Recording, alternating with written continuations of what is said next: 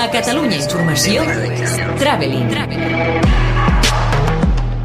Estrenes de cinema i sèries a Catalunya Informació. Traveling amb Marc Garriga.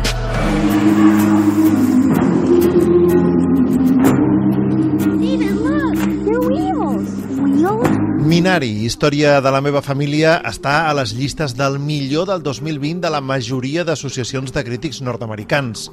De fet, s'han dut el Globus d'Or a la millor cinta de parla no anglesa i això va generar certa polèmica perquè es tracta d'una pel·lícula americana. Això sí, la majoria del temps els seus protagonistes parlen en coreà i és que és una crònica del desarrelament d'una família coreana que vol viure el somni americà i acaba patint enmig del no-res a Arkansas on el patriarca vol fer créixer una granja de productes al seu país. Tot vist en gran part amb els ulls d'un nen de 7 anys, l'increïble Alan Kim, que està nominat als BAFTA, per exemple, com a millor secundari. Una pel·lícula encantadora, tranquil·la i subtil, a banda de divertida i amarga al mateix temps. Un film que atura el temps en la infantesa del seu director, Lee Isaac Chung. Estimat Pol, amic, germà, company d'aventures, etern bromista incansable, Per fi arriba a les sales de cinema l'última de les pel·lícules nominades en la categoria principal dels Gaudí, Les dues nits d'ahir, un film independent, quasi amateur, que també és equivalent de frescor, naturalitat, senzillesa, ben buscada i atractiu. Dirigida per Pau Cruanyes i Gerard Vidal, és un exemple de la potència dels cineastes joves catalans, com destacava un dels actors protagonistes a la finestra indiscreta de Catalunya Ràdio, Arnau Comas. per mi ha sigut valorar molt eh, a el món audiovisual jove, és a dir, la gent jove que està fent coses, la gent jove que està tirant endavant projectes i això m'ha fet valorar un munt de penya que està aquí tirant milles i fent coses, no? És cert que pot fer-se potser massa lenta per a un cert tipus de públic, però aquesta escapada de tres joves que busquen el seu lloc a la vida mentre miren de llançar les cendres d'un amic seu mort recentment també pot acabar atrapant sense remei.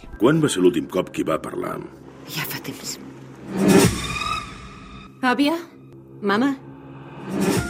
També atrapa de seguida Relic, un film de terror psicològic amb moments esgarrifosos, confús en algunes parts, sí, però reeixit al cap i a la fi, sobre tres dones d'una mateixa família que pateixen un tipus de demència que les tormenta. Una nissaga encapçalada per Emily Mortimer en un film que acompanyarà l'espectador uns quants dies i que es va endur el Premi a la millor direcció a Sitges per la debutant Natalie Erika Jones.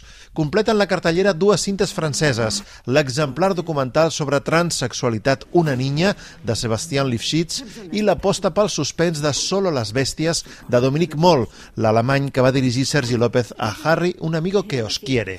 If there's one thing I've learned from being a mom, it's that parents and kids always disagree on one thing.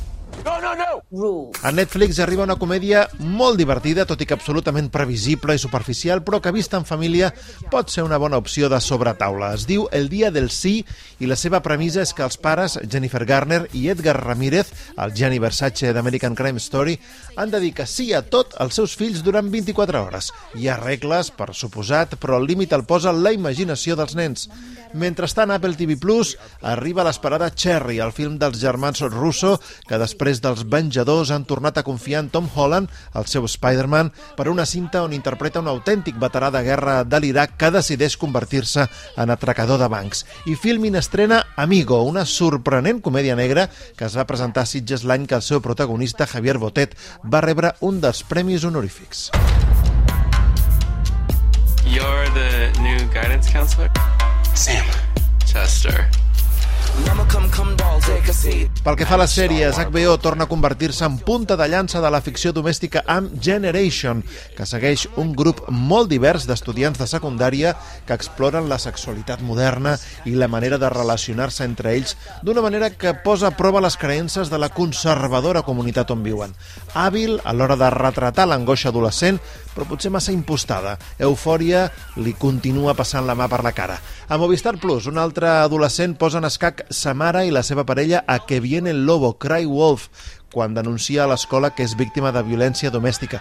Com indica el seu títol, tota la gràcia se centra en endevinar si diu o no la veritat. Arriba el dia 16, el mateix dia que a Filmin ja es podrà veure El Gran Fondo, una comèdia satírica sobre finances. I per qui tingui ganes de més Wanda i més Vision, Disney Plus estrena Marvel Studios Assemble amb el making of de la sèrie.